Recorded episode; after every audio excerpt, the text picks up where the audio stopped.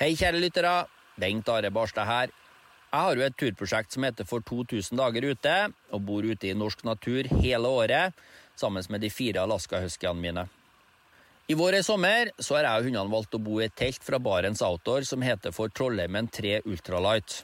Jeg var veldig spent på hvordan det her ultralight-teltet kom til å fungere i forhold til mitt bruk, eh, men trass i at teltet har eh, lav vekt og lite pakkvolum, så er det god plass i det, og det er god takhøyde. Ytterluken på teltet går helt ned til bakken. Det gir god liv mot vær og vind. Samtidig så er teltet luftig og har veldig god ventilasjon. Nå har jeg og hundene bodd i teltet i ca. 80 døgn, og jeg ser ikke noen sånn spesiell forskjell i slitasje mellom ultralight-serien og classic-serien. Men med fire viltre hunder i teltet så skjer det ofte ulykker, og jeg setter utrolig pris på at Barents Outdoor har ei god serviceavdeling. Vil du lese mer om ultralight-serien eller andre telt fra Barents Outdoor, så kan du gå inn på www.barentsoutdoor.no. Og så må du huske på det at den første reparasjonen på et Barents Outdoor-produkt, den er bestandig gratis.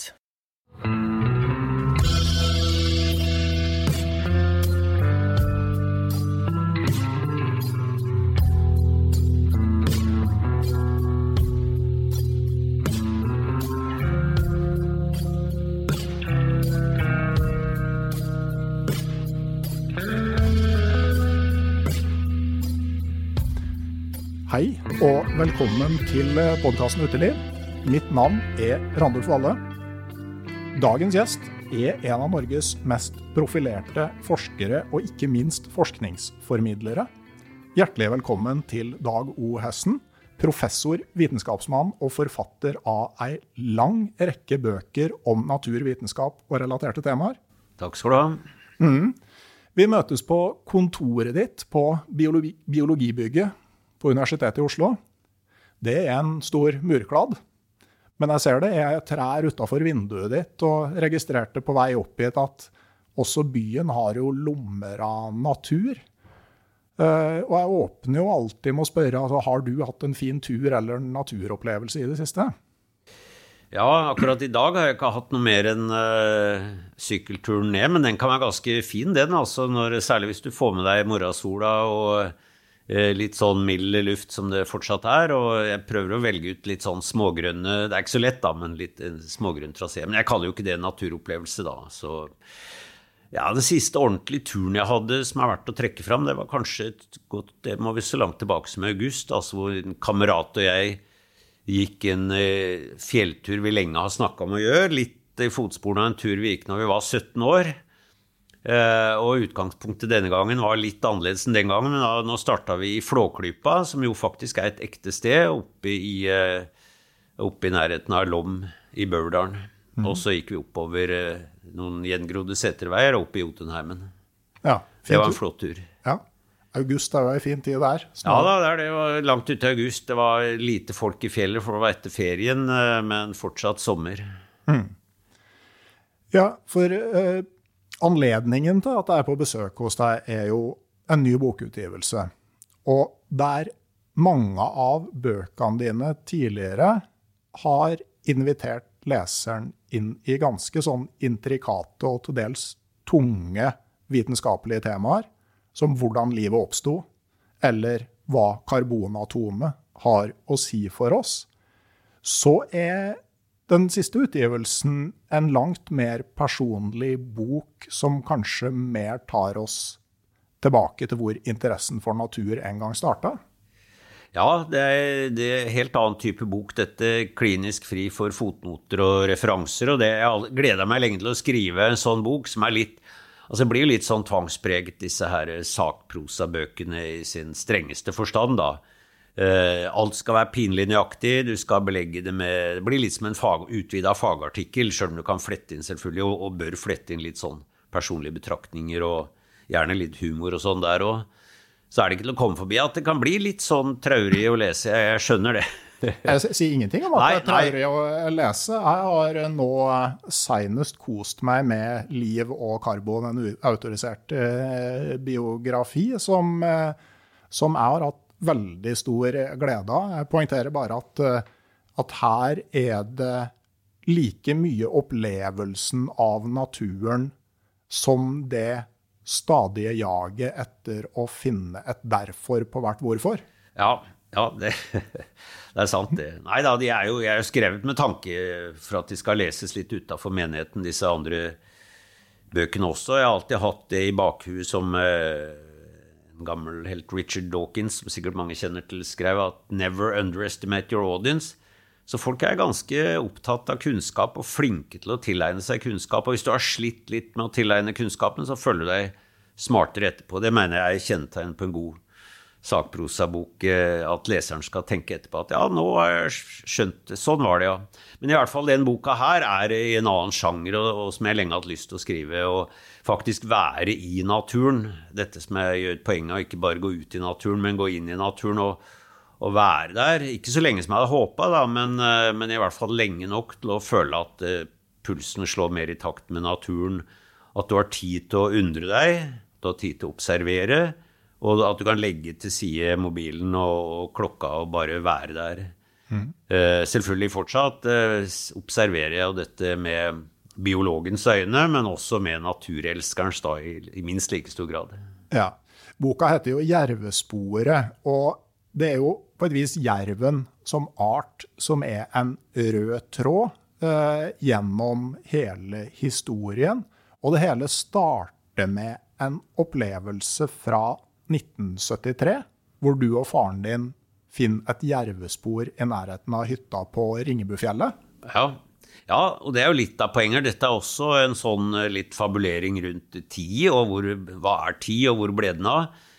Eh, så jeg gjør et poeng ut at jeg er tilbake akkurat samme sted, nøyaktig på dagen 50 år etter at eh, far min og jeg kryssa dette jervesporet, som den gang gjorde et stort inntrykk. Og vi hadde mye fine turer i fjellet. Han var en fin fyr, eh, min far. Og jeg husker det sporet gjorde inntrykk, for jeg har aldri sett noe lignende. og Det kom liksom fra horisonten og forsvant i horisonten og var massive labber. Jeg trodde det var bjørn, da, men, men far min som var veterinær, da kunne fortelle at nei, dette var jerv. Og så la han på en del eh, som stimulerte fantasien av jervens eh, umenneskelige styrke, og at den var en gåmaskin og alt dette. Ja, for jeg tenker at, altså, eh, at det er jo ingenting som er tilfeldig når man skriver en bok. Og jeg tenker det å velge jerven som et sånn symbol og gjennomgangstema Jeg registrerer jo at det gir jo på en måte flere åpninger. Altså du har jo mystikken, f.eks. Dyret som man vet at er der, men som nesten ingen har sett?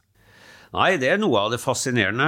Jeg, har, jeg kan røpe såpass at jeg har sett jerven, da, ganske på kloss hold òg, men jeg siterer jo en, en, annen eh, kollega, mer kjent kollega blant biologene, en som heter Edward Wilson, som skriver det at jeg, jeg har aldri sett en jerv, men bare vissheten om at den fins der, er for han en, en, stor visshet. Og sånn er det jo for de fleste av oss. at det å være i et område hvor du veit at eh, det er litt av villmarka intakt, er en slags berikelse, sjøl om du ikke ser disse dyra. I norsk natur er det jo heldig om du ser et ekorn.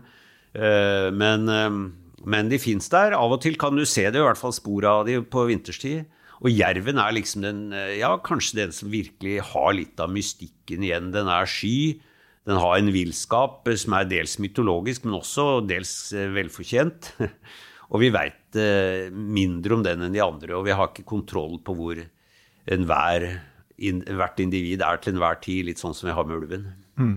For nettopp det med jerven, altså den eh, Man har jo veldig et sånt bilde av hva en jerv er. Og eh, det er jo masse sånn populærkulturelle og litterære beskrivelser av jerven. Jeg man tar og griper jo til det som er seg nærmest. Så jeg kom i tanke om det svenske death metal-bandet Entombed, Jaha. som faktisk har ei plate som heter Wolverine Blues. Ja, akkurat. Den... Og, og tittellåta den avslutter da med A vicious being, the blood is my call.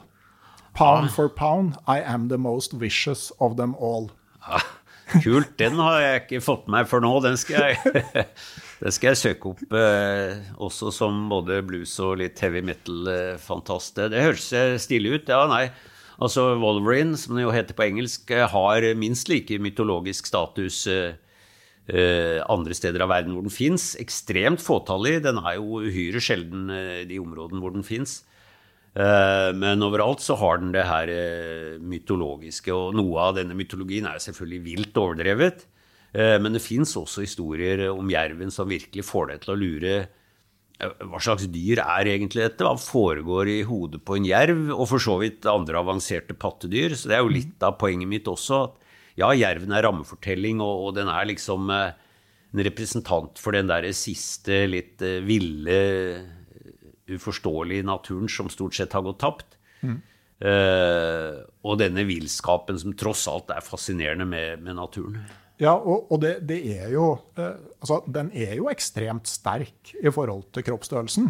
Ja da, den er jo ikke stor, ikke sant. Den er jo helt ufarlig for oss. Uh, en jerv ville aldri gått til angrep på mennesker, men den tar jo en fint en fullvoksen rein som kan veie fire ganger så mye. Svogeren min så det skje en gang, og det var litt av en opplevelse i, Nord-Norge. Så den er, eh, den er eh, kompakt muskulatur. Det er jo et mårdyr, da. Største av mårdyrene. Men jeg har nok en sånn villskap. Altså, jeg, jeg, tror ikke den har blodtørst i den forstand, men det er klart Den har jo også et bitt av en annen verden som gnager seg gjennom frosset kjøtt og knuser bein som mm. Så den har noe spesielt ved seg. Altså. Og flår du en jerv, det har ikke jeg gjort, da, men andre som har gjort det, beskriver jo at du møter liksom bare på kompakte muskler hele veien. Ja. Jeg snakka med noen inuitter oppe i Nordvestpassasjen i Canada. Det er eneste plassen hvor jeg har sett jerv. Og der jakter man jo på snøscooter. Mm. Så det var jo en av oss som hadde tatt igjen jerven, og for å for liksom få den på plass, så hadde han kjørt snøscooteren oppå den. Ja. Men jerven krumma ryggen og kasta bort snøscooteren og sprang videre. ja. ja, det er jo en det forsterker jo mytologien, da, men denne gangen eh, ekte historie. Selv om det er en fæl ting da, å prøve ja, ja. å sprenge jerven med, med snøscooter. Ja, den er jo hata noen steder, da, både nordpå i Nord-Gudbrandsdal, hvor er, eh, den tar mye sau, eh, nordpå hvor den tar rein. Det kan man jo forstå, altså. Men, men den bør jo likevel møtes med respekt, det syns jeg. Ja. Men det vi òg liksom får et innsyn i, i den boka her, føler jeg, da, det er jo eh, hvordan den naturinteresserte gutten fra 1973 eh, kom inn på et spor som endte med en karriere som biolog, forsker. Ja, det er jo et spor der òg, og den naturinteressen min var nok vakt eh, før vi møtte, eller helt sikkert vakt før vi møtte til jervesporet, for jeg drev jo med fuglekasser, og jeg undra meg mye hvor den kom fra. Fordi jeg var med på søndagsturer ut og sånn, jeg ja, som alle andre barn, men det var ikke noe sånn, vi var ikke noen naturfriker i vår familie. Eh, men jeg fikk tidlig denne interessen. Det er mulig det var en skolelærer vi hadde, som var rektor og en tørrpinn, altså virkelig en lærer av den gamle typen. men han han var også naturfaglærer, og da tødde han opp og viste en helt annen side ved seg sjøl, og en sånn eh, innsikt og kunnskap og entusiasme som var fascinerende å se den gamle tørrpinnen forvandle seg sånn. Så jeg tror det også vakte en interesse. Men det må ha vært noe mer, og jeg kan ikke forklare det. Det er det gamle spørsmålet født sånn eller blitt sånn. Men at man liksom er født med gener for en spesifikk biologiinteresse, det, det tror jeg kanskje ikke, men et, en sånn hang til å være ute, det, det, er nok mange som kjenner seg igjen i, og det tror jeg dels kan være medfødt. Ja, og så kanskje noe et sånn uh, en uh, sånn drive for systematikk og dokumentasjon. For du beskriver jo at jervesporet blei starten på mange sider med nedtegnelser over biologiske observasjoner. Ja, der tror jeg forskeren i meg våkna. fordi jeg ofra da ei kladdebok og begynte å skrive naturnotater veldig sånn kort og tørt. Men det første er da altså møte med jervespor, hvor jeg skriver lengde og bredde og skrittavstand. Og seinere begynte jeg å føre opp eh, observasjoner av fuglereir og fugleegg og andre naturopplevelser. Så jeg, og jeg nok, ble nok tidlig vakt for eh, forskning innen naturvitenskap. Da jeg har nok alltid visst at det var et eller annet innen naturvitenskap jeg skulle drive med. Og så vakla jeg litt mellom uh, veterinær som min far, da, eller uh, medisin, som jeg visste jeg ville få en grei jobb. mm. Eller biologi, som var mer usikkert. Men jeg valgte nå det siste, heldigvis, vil jeg si i dag, da. Ja, Hva så du for deg da du begynte på biologiutdannelsen? Nei, ikke noe sånn voldsom karriere, i hvert fall. Jeg tenkte kanskje jeg får meg en jobb i forvaltningen eller kan flytte opp en Så egentlig var jo drømmen å være naturoppsynsmann eller noe sånt. Mm. For det var jo det som vakte interessen, den gleden over å være ute i naturen. Eh, så jeg så ikke for meg at jeg skulle sitte ved et skrivebord og en PC, sånn som jeg har gjort. Og nå har jeg ikke bare gjort det, da. Jeg er fortsatt en del ute på feltet og hatt og har fortsatt spektakulære, fine naturopplevelser. Men 95% av tida blir jo ved skrivebordet. Men, ja. men, så tok jo det ene det andre, da, og jeg fikk nå en jobb her på Blindern, og ja, skjønte at det var artig. Og for det er jo denne gleden ved å utforske ting som, som også er en drivkraft. Mm. Men samtidig så virker det litt i boka som om eh, biologen altså det, Livet er jo på en måte sånn at man kommer til veikryss, og så velger man en vei.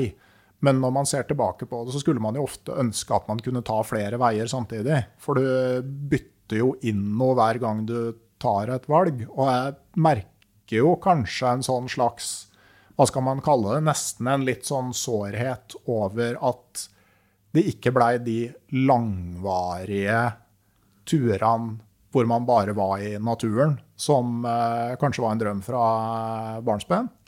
Ja, altså det er klart eh, alle valg betyr at du velger bort noe annet. Men i og for seg, jeg angrer ikke på det valget jeg har tatt. da. Jeg syns jeg har fått eh, veldig Opplevd veldig mye, også natur. Eh, men eh, jeg ble jo, som veldig mange eh, naturinteresserte, farga selvfølgelig av at eh, jeg var så heldig at jeg vokste opp i en førdigital tid og leste jo alt jeg kom over av bøker. Selvfølgelig starta jo med Ingstads beskrivelser og Nansens ekspedisjoner og mye sånn heltelitteratur.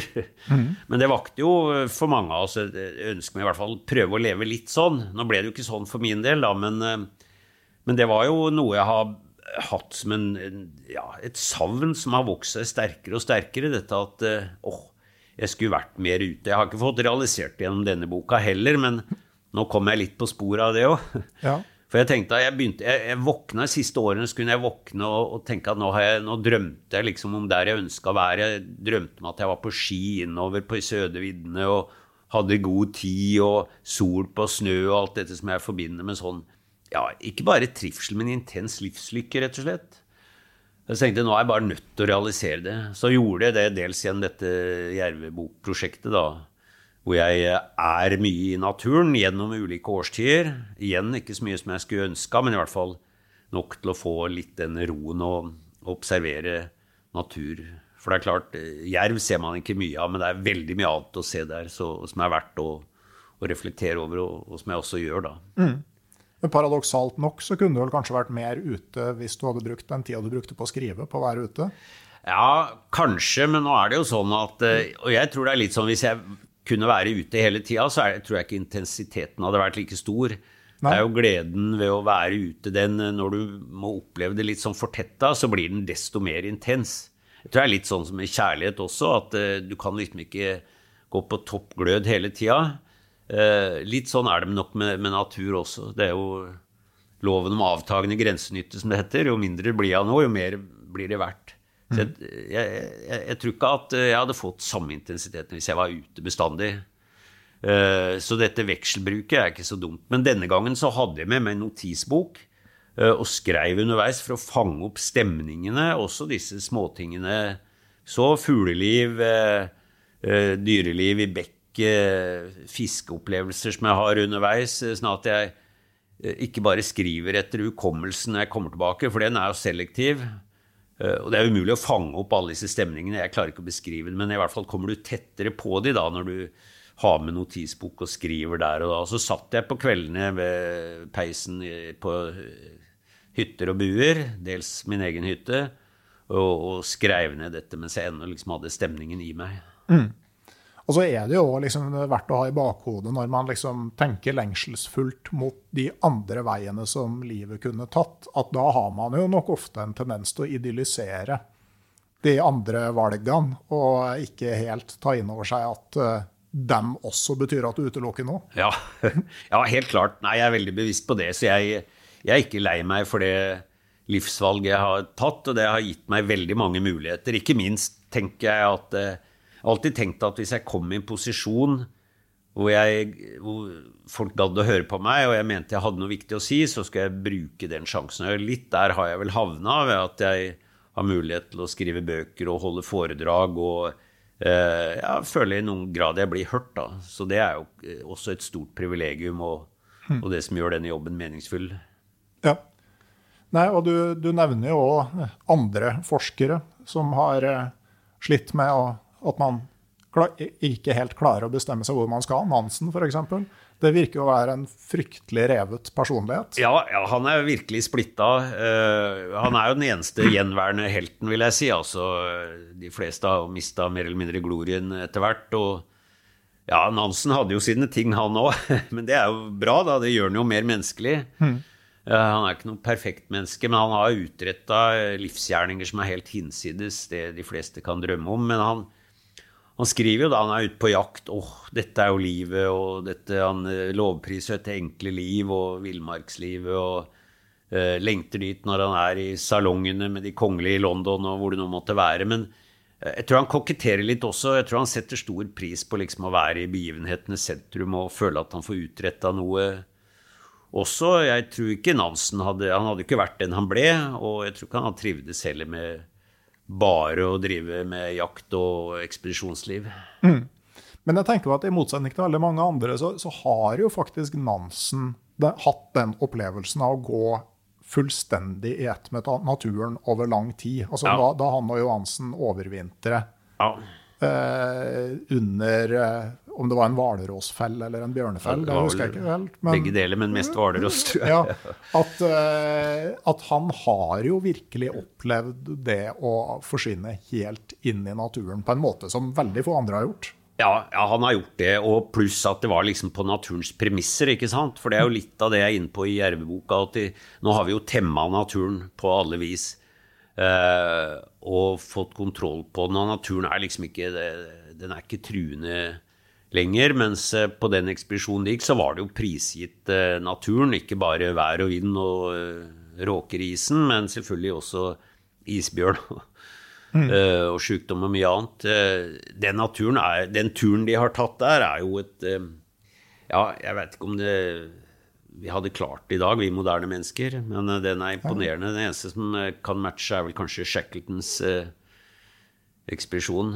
Men ja, ja er, de er virkelig i naturen, altså. Og ikke bare natur, men den mest spartanske og ugjestmilde av alle typer natur. Ja.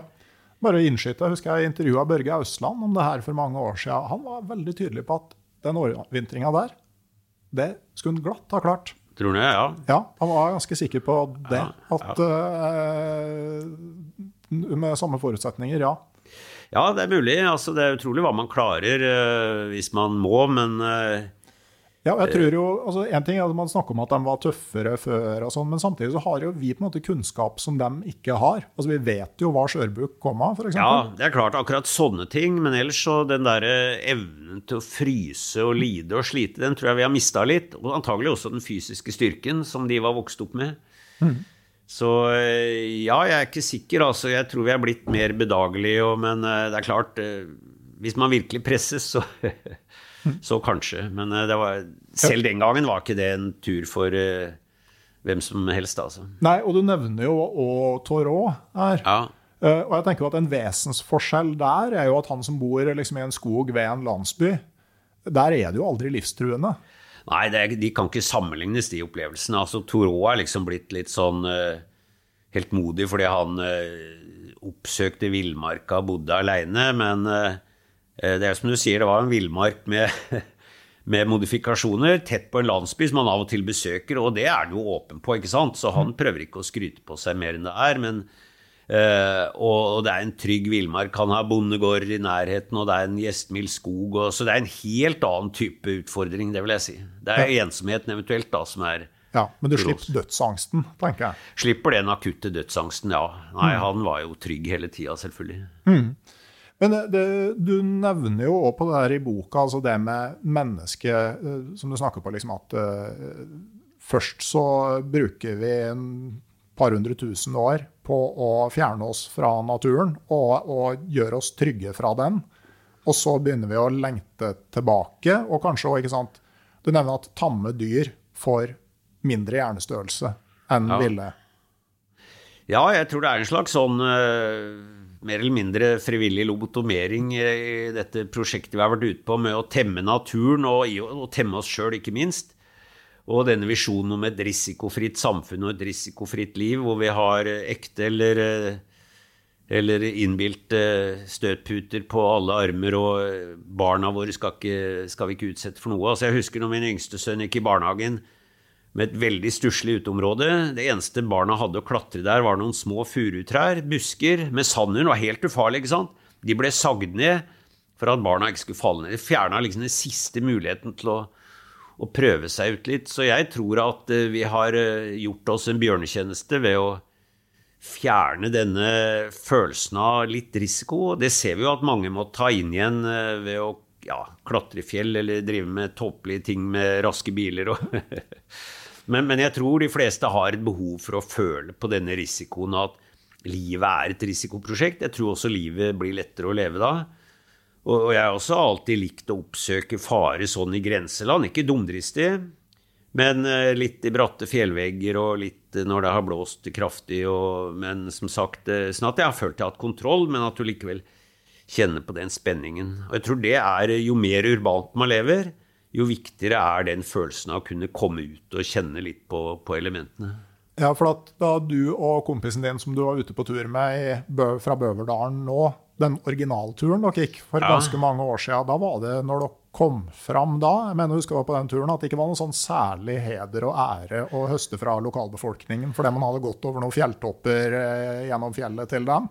Nei, det er en morsom sånn observasjon som jo andre har gjort også, at denne her trangen til, til å være i naturen bare for å oppsøke den, liksom, det er, ble betrakta som en luksusting eh, blant generasjonene før. ikke sant? Dro man ute i naturen, så var det for å høste, og naturen var et farlig sted. Men man dro de selvfølgelig for å ja, jakte eller eventuelt sanke sau eller sånt. Men eh, ja, vi som 17-åringer tok vi bussen fra Lillehammer opp i Skåbudu og gikk med elendig utstyr. På Lykke og Fromme, et eldgammelt kart også. Tvers gjennom Jotunheimen, opp på noen topper. Det var en fabelaktig tur, altså.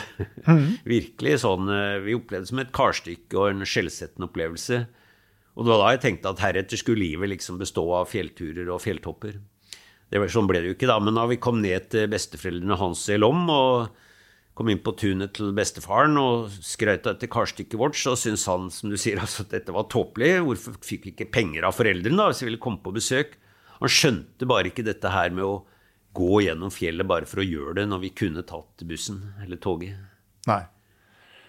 En annen ting som jeg syns uh, er gjennomgående i boka, det er jo eh, aspekter ved ditt natursyn. Og det som absolutt eh, er mest tydelig, er jo liksom den evolusjonære tilnærminga til naturen rundt deg. Altså, når du observerer et eller annet, så er liksom tanken veldig fort altså, Hva er det med den atferden her som har vært fordelaktig, sånn at det er sånn det er? Ja, det er jo sånn vi biologer er eh, lært opp, i hvert fall evolusjonsbiologer, da, er lært opp til å tenke at uh, alt er der av en grunn. Og stort sett er det jo sånn, ikke sant, uh, når det er form og farge og i og for seg også atferd.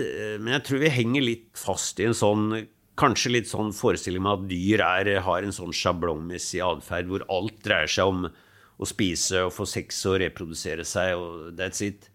Eh, så det er også sånn som har vært Jeg er jo en veldig rasjonell naturviter, vil jeg si, og jeg er veldig forsiktig med å tillegge dyra menneskelige egenskaper. Men jeg tror kanskje vi har vært for forsiktige med det. Det har også gjort at vi har litt den derre eh, arven etter Descartes, at dyr er litt sånn ufølsomme roboter og eh, som sagt har en sjablongmessig atferd. Og ikke minst jerven er en god eh, inngangsport til å fundere litt over dette. Jeg kom jo over et jerveprosjekt som hadde foregått i eh, Glacier Park i, eh, i Montana i USA. Noen av de villeste fjellområdene som fins. Der er en jervebestand som er enda mer sparsom enn den vi finner i, i Sør-Norge. Men de hadde klart altså, å sette radiohalsbånd på noen av disse jervene. Og de hadde jo forskjellig personlighet. Det, det vet vi etter hvert at dyr har. Og en veldig sånn dominant, kraftig eh, hannjerv som eh, ble døpt Mr. Badass himself. Hadde noen Ja, en ting er noen umenneskelige egenskaper, men nesten sånn uh, ujervelig. Altså, en ting de observerte, var jo, og dette er jo dokumentert da de satt og så på skjermen, og det var jo biologer som sagt, at en dag så klatra de altså opp En ting er at de er gåmaskiner og kan gå ti mil uh, uten å ense det og krysse, liksom. De enser ikke stigninger og tar alltid den korteste veien. Men denne jerven her, den eh, klatra en dag opp på det høyeste fjellet i, eh, i, parken der. Og ikke bare det, men den bratteste og vanskeligste ruta en vinterdag, opp iskledde sva, opp på toppen. Der bare satt den en stund, og så gikk den ned igjen. Og de observerte det samme på en jervetispe, så det var ikke bare Hanne som hadde dette. Hun var også en sånn, ja, litt sånn one of a kind type, men som gikk opp på noe som heter Bearhat Mountain, også et veldig vanskelig tilgjengelig fjell. Bare gikk opp der, satt der og gikk ned igjen. Og det var en gruppe fjellklatrere som ble inspirert av den ruta som Mr. Badass tok, da, for det var en ubesteget vinterrute. Og de eh, utstyrte seg med brodder og tau og krambonger og alt som kreves, og skulle gå den ruta, men de måtte gi opp halvveis. Mens jerven hadde i løpet av no time altså gått opp der for egen maskin og gått ned igjen. Og det var ikke for å ta selfie eller skryte av det. Så uh, han spør seg, han uh, som skriver dette, da, uh, og som også skriver det på en veldig fin måte, at ja, hvorfor gjør jerven dette? Det er ikke for å, det er noe spiselig der oppe, og ikke for å leite etter noen nye ruter eller noe. Eneste han kunne komme på, var samme forklaring som får oss til å klatre på en fjelltopp. Som er helt irrasjonelt, ikke sant? Mm. At det er en sånn mestringsfølelse. Altså, jeg kan gjøre det, derfor gjør jeg det. En sånn å utfordre seg sjøl. Og jeg veit ikke, det får vi aldri vite, men jeg liker i hvert fall å tenke at kanskje jerven også, også har det sånn. Den er jo en fortetta maskin nesten av, av, muskler. Ja, Nei, og ikke sant, altså Når du har da en sånn evolusjonær tilnærming til livet, sånn, som en motsats til de store religionene fra Midtøsten, som lager et skarpt skille mellom mennesket og resten av naturen, som på et vis er der for oss, så, så er det jo ikke helt en helt fjern tanke at uh, dyr som er nære oss, også skal ha tilsvarende tanker og følelser? Nei, overhodet ikke. Og eh, vi vet jo at de har mye av de samme signalstoffene i hjernen som styrer, styrer vårt følelsesregister. Så at uh, de da også at dyr har glede, i hvert fall avanserte pattedyr, har gleder og sorger. Uh, forventning Ja, mye av de samme følelsene som vi har, det tror jeg er helt åpenbart. Og kanskje til og med at de gjennom det kan finne på å klatre opp på en topp bare for å gjøre det. Forskjellen er nok, og der tror jeg det er en reell forskjell, at vi mennesker kan tenke i fortid. Vi kan være nostalgiske, det tror jeg ikke dyr kan være. Vi kan lengte til noe langt fram i tid, det tror jeg ikke dyr kan. Eh, og jeg tror også vi på en måte, annen måte enn dyra kan liksom se vår egen død eh, i et større sammenheng og føle på dette her med ja, jakten på mening. Jeg tror ikke dyr har det på samme måten. Nei. Vi veit ikke, men det tror jeg ikke. Så, så men, du tror, tror ikke to gamle hannjerver som møtes, kan mimre om den fantastiske reinsvinteren i 2015? Ja, det hadde vært veldig kult om de gjorde det. Ja. Jeg tror ikke det, men at de føler på glede, storhet, at de kanskje til og med kan kjenne på en følelse av noe storslått opp fra en topp, det ser jeg ikke bort fra. Og, og det er for meg en fin tanke.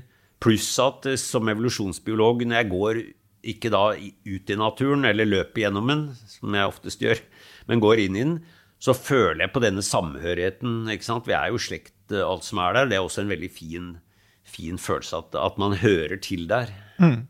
Men så er jo òg evolusjonsbiologien ekstremt brutal. Da, for at noe av det SNO har dokumentert med viltkameraer ved Jervehi, er jo hannjerv som går inn og dreper ungene mens mora er ute på jakt.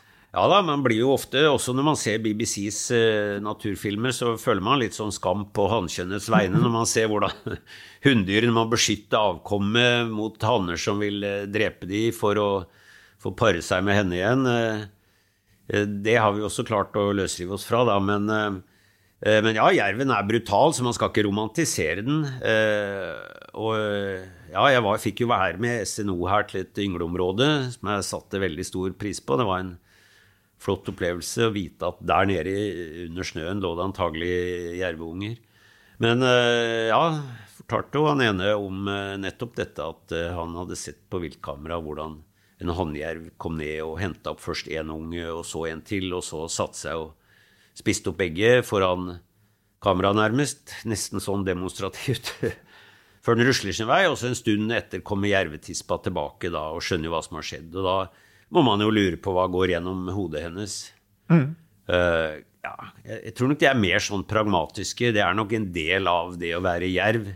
Så jeg tror ikke de blir knust av det, men uh, helt trivelig kan det ikke være heller for henne.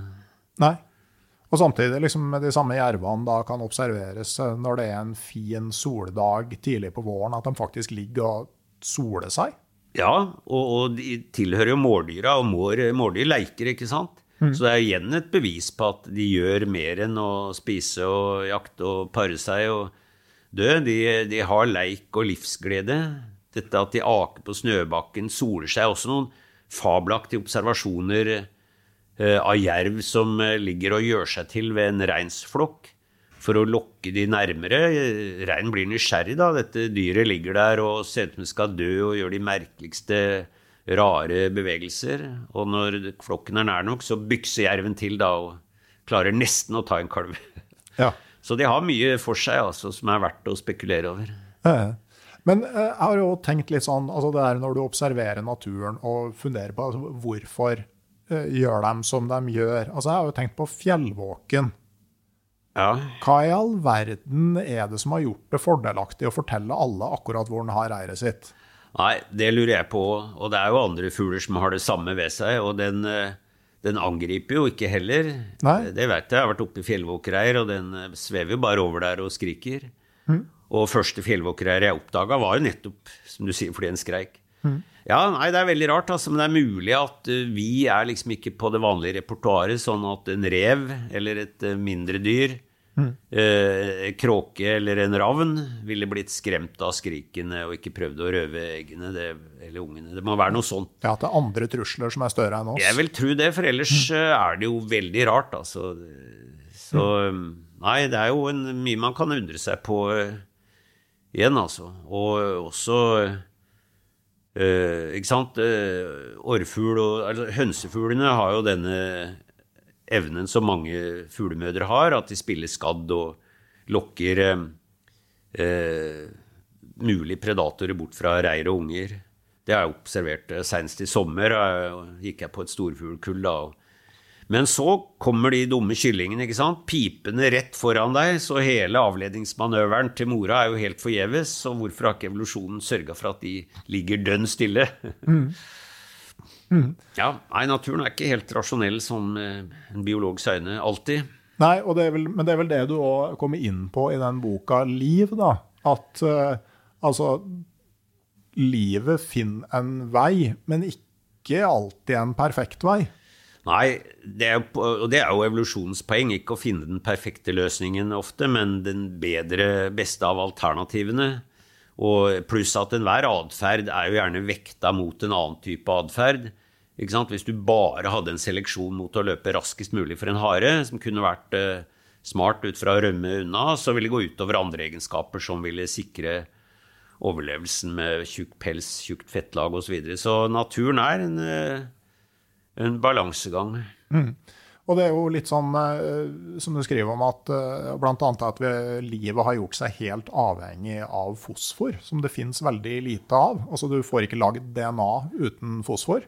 Nei, altså livet har uh, liksom bundet seg til noen løsninger som de ikke kom bort fra. Det hadde vært stilig ved å finne liv på en annen planet. Jeg tviler på om vi noen gang gjør det, men å sett om det ville vært liv av en helt annen type eh, eller livet må være sånn som eh, vi observerer det. For alt liv har jo en er vi ganske sikre på felles opprinnelse, for det er skrudd sammen etter de samme prinsippene, de samme byggesteinene, på samme måten. Vi har den samme typen arvestoff.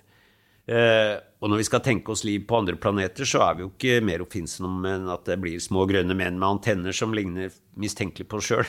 ja, annet at vi alltid ser for oss at systemet for å puste og ta inn mat ja. også der skal ha samme inngang. Ja, ja. Nei, det er potensielt, men det er ikke sant. Vi er begrensa. Fantasien vår er begrensa av erfaringen vår. Så. Mm. Nei da, det er sånt, eh, mye sånt man kan eh, spekulere på når man går der ute. og og tar seg tid til det. Og jeg syns jo det er fascinerende at det, det ikke er alt vi veit, og mye vi eh, antagelig heller aldri får vite, sånn som hva foregår inni hodet på en jerv, og, og hvordan oppstår livet. Mm. Men også det at det her er en prosess som Altså, vi er jo ikke endepunktet. Neida. Det, det er jo bare en sånn menneskelig tanke at um, det, vi er jo ikke endepunktet i evolusjonshistorien. Altså, og du, uh, jeg syns det er artig du beskriver et uh, langvarig forsøk med E. coli-bakterier. Hvor Ja. man liksom uh, gjennom å følge bakterier gjennom flere tiår, og aldri så mange generasjoner, altså kan følge evolusjonen i real time. Ja da, det er et godt bevis mot de som påstår at eh, evolusjon ikke kan bevises. For det kan det du, hvis du har bakterier til rådighet og tålmodighet til å følge gjennom hundrevis, for ikke å si tusenvis av generasjoner. Det kan du gjøre da, med en bakterie som dobler seg hvert, eh, ja, oftere enn en gang i timen. Så kan du se sånne effekter. Jeg synes evolusjon er eh, Jeg spekulerer jo mye når jeg går i, ut og observerer f.eks. egg. Eh, Noen fuglearter har eh, egg som er eh, utsatt for parasittisme fra gjøken. Mm. Har jo egg som er dønn like. Alle, alle individene har samme type egg, og lett for gjøken å parasittere etterligne det gjennom evolusjon. Mens andre har da valgt en evolusjonær løsning, valgt i anførselstegn, da, hvor hver, hvert individ har forskjellige eggmønster. Det er helt umulig for en gjøk å finstille seg inn på det eggmønsteret, og, og sånn sett eh, Sånn sett eh, slipper de unna den eh, byrden det er å bli parasittert av, av gjøk.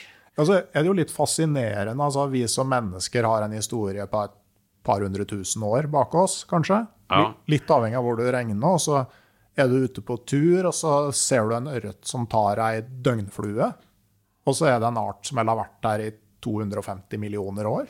Ja, det gir, kaller jo på litt sånn ydmykhet. Og du har jo også disse skjoldkrepsene, som stort sett bare er kjent blant eh, folk som er veldig opptatt av fiske i høyfjellet. Som er, ser ut som en sånn liten dolkehale. De er et par centimeter lange. De finner jo fossiler av som er kliss like, som er 250 millioner år gamle. Så eh, ja, det, jeg syns det er en kalle på en viss respekt at de har holdt det gående så lenge. Vi kan tenke at ok, de er primitive og har ikke klart å komme noe videre. Men eh, ok, de har funnet en vinneroppskrift stort sett og, og har holdt seg Ja, de har jo liksom overlevd flere utryddelser, altså, Ja.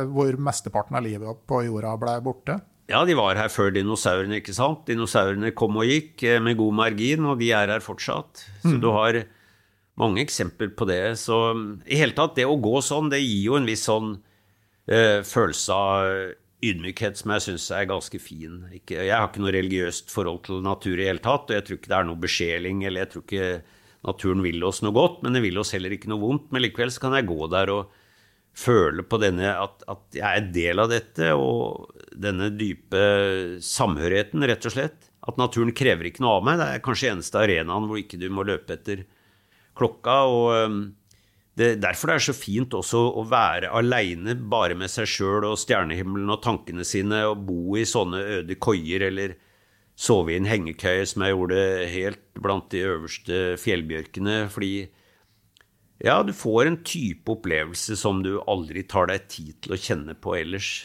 Og mange er livredd for å være aleine med egne tanker og livredd for å være borte fra mobilen. Men uh, det burde være livspensum, mener jeg. altså. Ja. Og så sier det jo kanskje noe om at altså det hvis du får en litt sånn djup naturrelatert interesse, sånn som du sier, ivrige fiskere vet at det finnes noe som heter skjoldkreps. Man ser etter det marflo og snegler. Ja?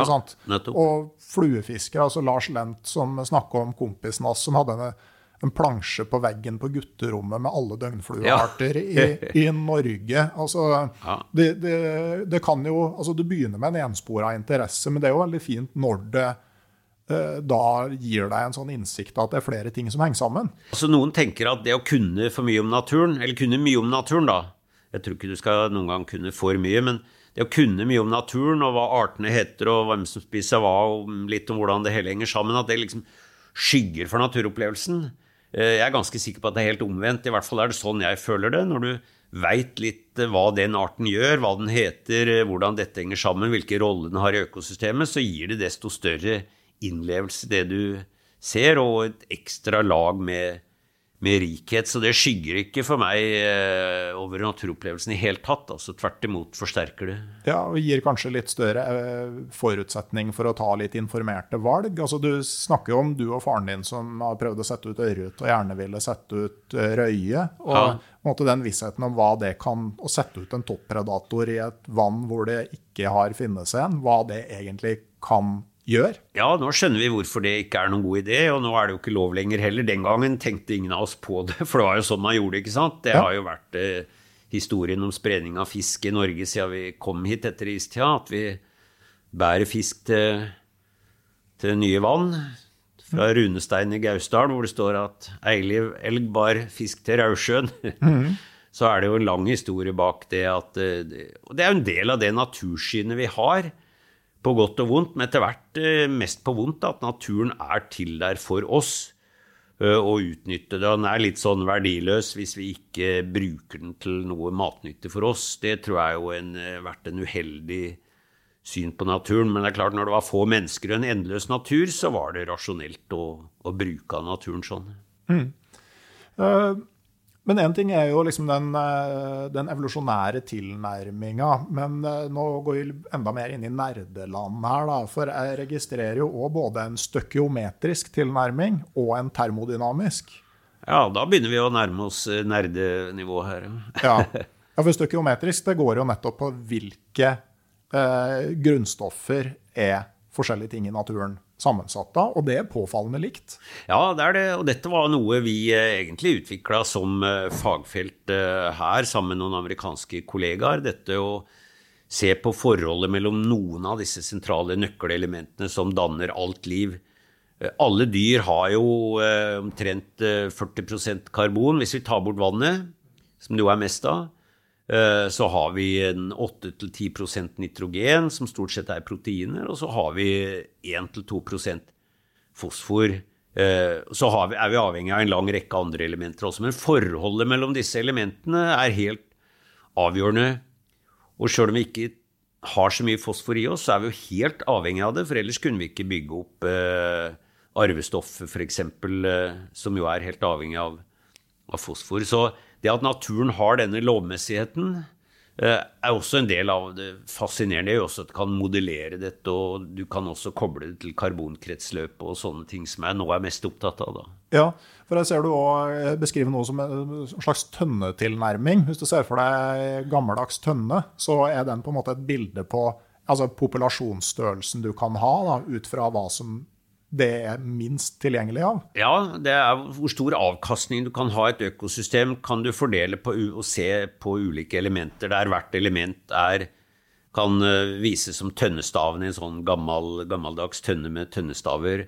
Og den som først kom på dette og brukte det, det begrepet, eller metaforen, det var en landbruksforsker, Justus Liebig, som skjønte at planter trengte særlig nitrogen og fosfor, da, men også kalium og natrium, og, men i, i, visse forholdstall.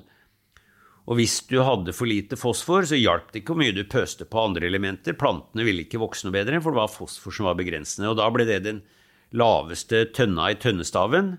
Eh, og hvis du prøver å fylle på mer vann, da, som anskueliggjør produksjonen, så hjelper ikke det, for det renner uansett eh, utover den laveste fosfortønnestaven.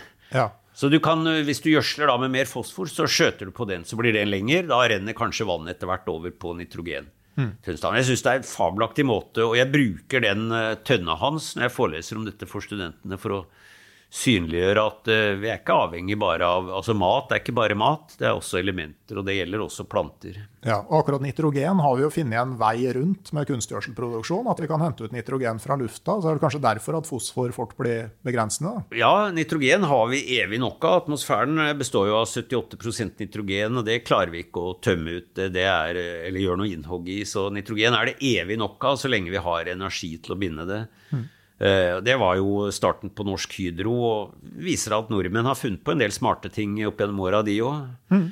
Så kunstgjødselproduksjon var jo et av de. Men som du sier, altså fosfor er et element som ikke kan erstattes av noe annet, og der har vi ikke noen måte å danne fosfor på heller. Så først så utvant vi jo fosfor fra ja, berg med fuglemøkk. ikke sant? Guano under fuglefjell, det tok jo fort slutt. Så nå er det fra geologiske forekomster, men det begynner også å skorte på det. Og de områdene som i dag har mest av sånne fosforholdige bergarter, er jo Kina og også Vest-Afrika. Så det er jo antagelig en av grunnene til at Vest-Sahara er okkupert, for det er jo enorme viktige fosforreserver. Ja. Så det er jo et element vi burde tatt vare på og behandla som det var gull. ikke sant? Resirkulert fullstendig. Isteden så gjødsler vi fortsatt med det, og det renner ut i vann og vassdrag hvor det gir uønska algevekst og, og, går tapt. Mm. Og Det sier jo også noe om at eh, altså sånn, uh, Naturen har jo lagd seg metoder. altså Jeg tenker på sånn som stillehavslaksen, som jo uh, på et vis gjødsler Alaska ved å ta med elementer fra havet langt inn i landet, bli spist av bjørn eller ligge og råtne. Altså bare ja.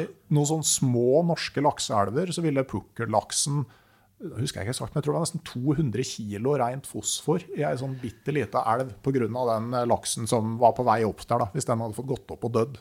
Ja, helt, Naturen er jo fabelaktig på resirkulering, så natur, i naturen går jo ingenting til spille. Der tas jo, altså Det som er avfallsstoff fra en organisme, blir jo næring for neste. Så det, naturen har jo skjønt dette med øko, eh, ja, økonomi og sirkulær økonomi. Så det er klart, eh, sånn sett, hvis vi fikk en fornuftig bestand, da man kan si det sånn, med pukkellaks, så ville den gitt samme gjødslingseffekten. Problemet i dag er at pukkellaksen vandrer opp i sånne horder at uh, det blir et massivt forurensningsproblem. Mm. Uh, men i Nord-Amerika er det jo en skatteressurs, ikke minst, som du sier, altså fordi den gjødsler elvebredden. Og vi har litt av det samme på Svalbard. De områdene hvor det er grønt på Svalbard, er jo der sjøfuglene bringer i land fisk og, og fuglemøkk, og hvor du har grønne områder og høy produksjon. Så der har du en sånn effektiv transport fra hav til land der også. Hmm. Så har vel pukkellaksen i seg et element av det med å sette ut uh, ørret i et vann med skjoldkreps og uh, sånn, at du setter i gang prosesser du ikke helt veit hvilken vei tar. da. Ja da, det er helt klart. Og så bringer jo pukkellaksen opp et annet element, ikke sant. At uh, vi vil gjerne ha den naturen vi er glad i og er blitt kjent med. Så derfor er det ikke likegyldig for oss om pukkellaksen erstatter uh, vår, vår, laks, som vi er vant til. Eh, på samme måte så var vi ikke så glad for at amerikansk hummer så ut til å erstatte norsk hummer, eller at uh, svensk signalkreps skal erstatte norsk uh, edelkreps. Så uh, uten at det kanskje hadde betydd så mye Det er klart Pukkellaksen har det ekle ved seg at den råtner den er ikke noe bra mat etter den har kommet på elva? Nei, det er ikke det. Den må tas tidlig. Så, mm. Men, eh, men, det er dette at vi, vi, liker de artene vi er vant til, og så er vi ikke så veldig glad for de nye artene som kommer. Mm.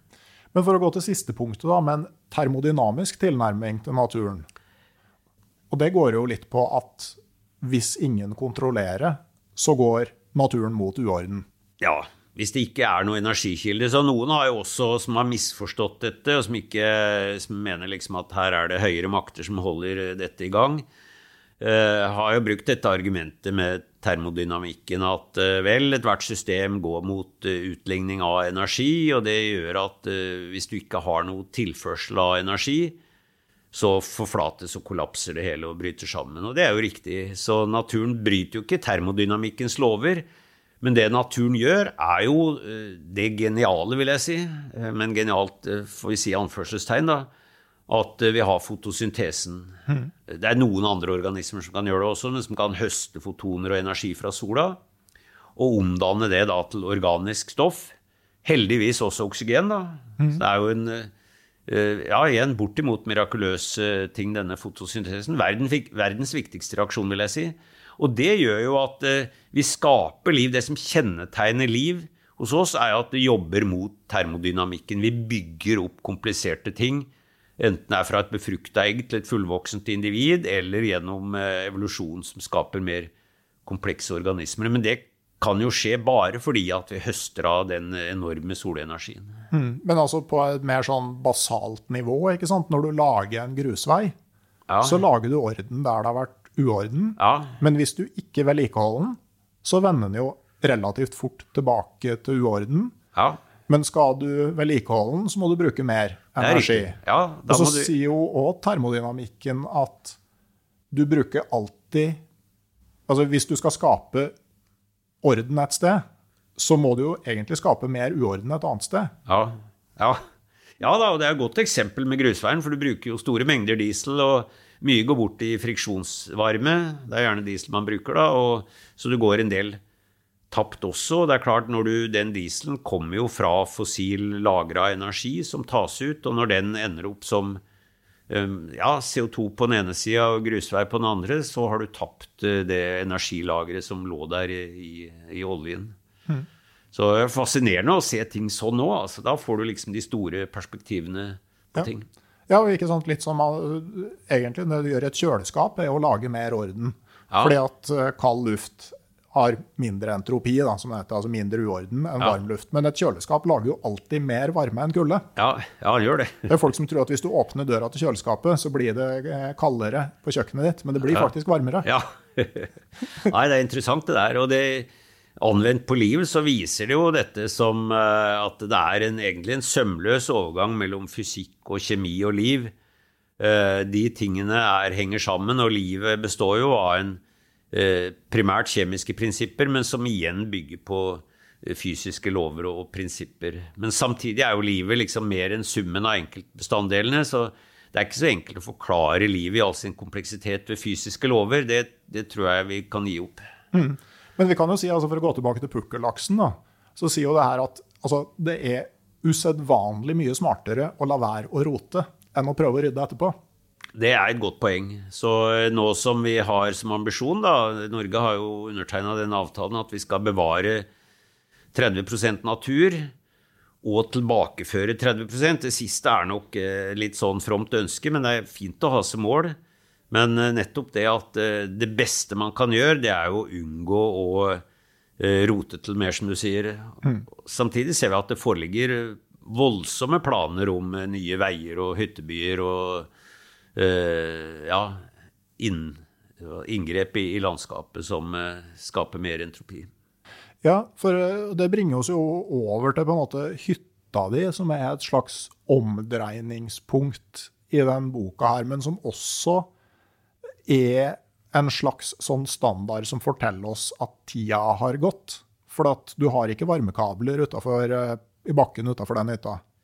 Nei, dette er den gamle hytta som min far og bestefar bygde, med stort sett håndmakt, eh, tilbake på 60-tallet. Og um, det er en hytte sånn som en hytte liksom skal være etter det norske standardbegrepet, og uh, som ikke krever noe energi, og som stort sett er bærekraftig. Selv om det er jo et lite inngrep i naturen, det er ikke til å komme bort fra. Men uh, ja, hytte den hytta, uh, som ligger på Ringebu, og også et par andre sånne gjeterbuer, jakthytter som ligger åpne innover i fjellet, totalt øde, som jeg også tilbringer litt tid på, er, er omdreiningspunkt her. Men uh, mye av dette er jo uh, også refleksjon rundt disse 50 åra som er gått. Jeg kommer tilbake til gamle hytta, jeg har ikke vært der på lang tid, og koster ut muselort og tar en lite glass eh, whisky foran peisen fra en flaske som står etter min far, som eh, var en eh, ytterst måteholden mann, men på hytta kunne han av og til ta seg et, et glass whisky. Men, og da kikker jeg meg i det gamle speilet som henger der. Det er ett lite speil, litt flekkete av uh, medtatt av tidens tann, men også jeg er, liksom det, er dette det samme ansiktet som stirrer tilbake på meg som uh, for 50 år siden. Det er også sånn verdt å reflektere over. Er jeg den samme? Ikke sant? Alle cellene våre er jo stort sett bytta ut. og Uh, Sjøl om genene er de samme, men uh, er jeg den samme? Og, og, hvor ble disse 50 årene av? Mm. det er også en sånn uh, Altså Tidsdimensjonen er alltid fascinerende. Ja, du, du, skiller litt mellom nostalgi og sentimentalitet. Ja. Hvor på en måte syns du, hvor er skillelinja mellom dem?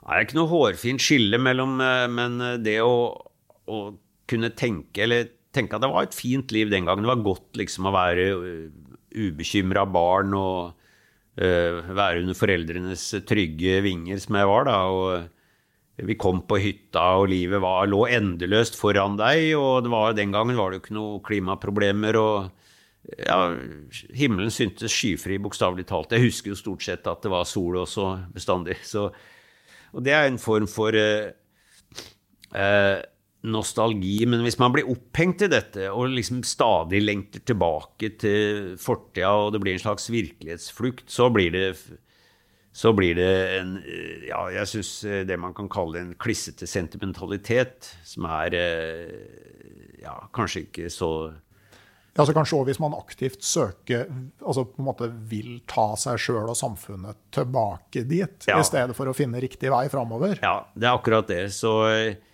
vel, det Tida er gått, ikke sant. Livet går videre, verden går videre, og jeg drømmer heller ikke tilbake til en sånn uh, historie som uh, Eller et samfunn som det min far vokste opp i, som var veldig enkelt på mange vis. Var godt og sunt og men det var et slit. ikke sant? Han vokste opp på et lite småbruk, så jeg, det er ikke noe å drømme seg tilbake til, til, det. Samtidig så er det jo helt åpenbart at den kursen vi har hatt eh, fram til nå, den kan vi ikke fortsette. Ja, den har tjent oss vel. Vi, blitt, eh, vi lever lengre og har fått bedre liv og bedre utdannelse på alle måter. Eh, men antagelig nådde vi kanskje toppen sånn på 60-70-tallet her. Siden tror jeg ikke vi i vår del av verden har blitt så mye lykkeligere. Mens vi begynner å se liksom medaljens baksider da, i form av eh, overforbruk av natur og klimaendringer og den type ting.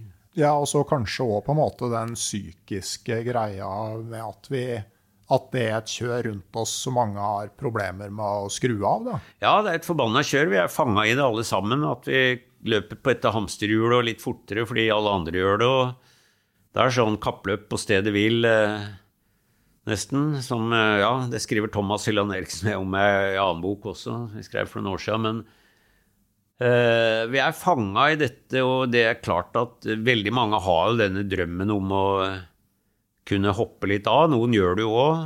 I hvert fall hoppa i perioder. Dette Jervebok-prosjektet mitt var jo litt sånn også. Selv om det var altfor korte perioder.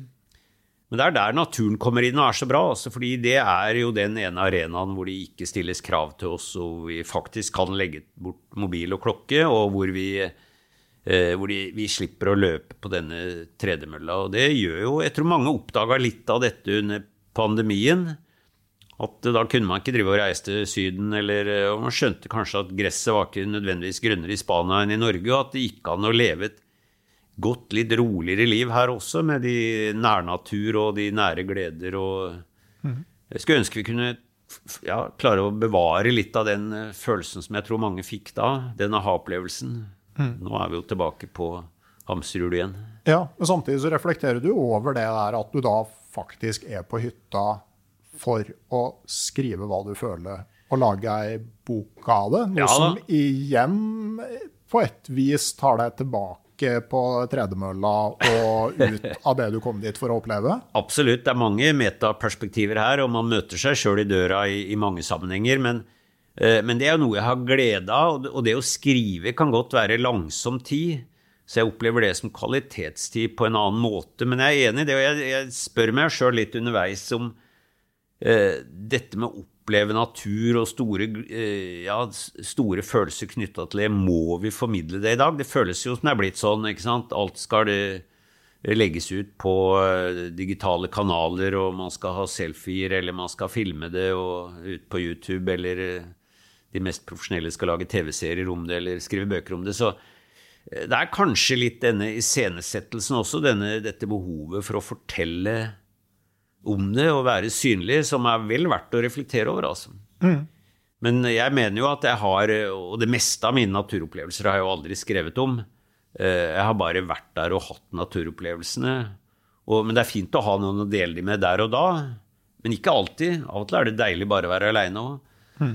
Eh, men det er også Jeg tenker Hvis man kan blande et budskap inn i dette, så er det også verdt å skrive om det. Mm.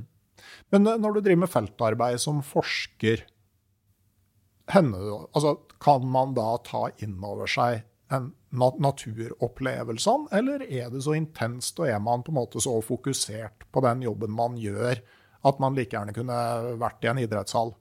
Nei, definitivt ikke idrettshall. og Jeg, jeg trener aldri i idrettshall, men jeg løper mye, og jeg går mye på ski, og det kan jo gå ja, etter mine begreper eh, raskt gjennom skog og mark. Men jeg har alltid denne sansen. Jeg stopper opp hvis jeg ser 'jøss, hva var det?' Mm.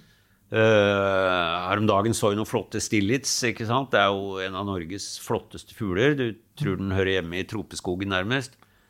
Da, da registrerer jeg den, tar meg tid til å stoppe opp og tenke at det var fint. Så jeg har den evnen. Og også når jeg er på feltarbeid, sjøl om der er det veldig ofte sånn at det er, ja, det er mye utstyr og instrumenter, og du skal bære tungt, og du skal rekke fram og tilbake. Så det er nok ofte mindre naturglede. Men de gangene jeg har vært på feltarbeid på Svalbard, Eh, så er det virkelig naturopplevelse. For da, jo, da må du være der flere dager. Det er en reell fare for isbjørn. Jeg har hatt isbjørn etter meg der, og det gir jo en sånn følelse av litt det samme som jerve. Det er et av de få stedene man kan føle denne respekten for naturen som vi en gang må ha følt. Mm. Eh, og så er det jo en naturopplevelse av en annen verden. altså Man må være blind og døv eh, for ikke å ta det inn over seg. Og det er jo en enorm rikhet av liv der òg koker jo av sjøfugl og eh, med isfjell på sjøen og breer og fjell eh, Ja, nei, da, det er jo det flotte med feltarbeid der oppe, at du virkelig får det beste fra begge verdener. Du kan ta prøver og, gjøre noe nyttig, får vi tro. Mm. og samtidig være til stede i, i omgivelser som er helt uh, hinsides.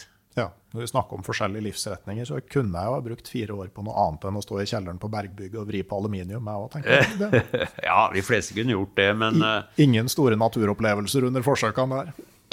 Nei, men vi veit ikke hvordan livet ville vært hvis vi hadde valgt en annen vei. Så det er, det er jo kunsten i livet å være, stå for de valgene man har tatt. Da. Definitivt. Uh, men uh, jeg tenker på hytta altså, uh, Naturen rundt der det er jo ting som er endra på de 50 årene. Altså smågnager og rypebestand, for å ta noe som mange kan legge merke til? Ja, det er jo blitt mindre liv i norsk fjell, og det er såpass jeg er blitt så gammel nå at jeg kan eh, huske at det var mye mer før. Selv om eh, manns minne er en upålitelig ting. Men vi har denne endringsblindheten, at ting går så langsomt tross alt, da. Selv om det egentlig går fort, så går det langsomt i, i, vårt perspektiv. At vi registrerer ikke hvordan det endrer seg. Men eh, ja, smågnagersvingningen som ga eh, mye av den rikheten som var i fjellet i hvert fall noen år før, er jo De har ikke klart å gjenvinne fordumskraft av en eller annen grunn. Trolig klima, tror vi. Og så har jo selvfølgelig en del områder har jo jakttrykket etter mitt skjønn vært altfor stort. I disse områdene her inne på Ringebu, hvor jeg har jakta litt opp gjennom åra, og hvor det var store flokker av rype, eh, så var det jo de siste åra jeg jakta, var det jo mer jeger og bikkjer enn fugl. Og da bestemte jeg meg for at jeg stoppa å jakte der. Jeg har jo også eh, refererer jo til et bilde som er det som står der, for øvrig. Ja.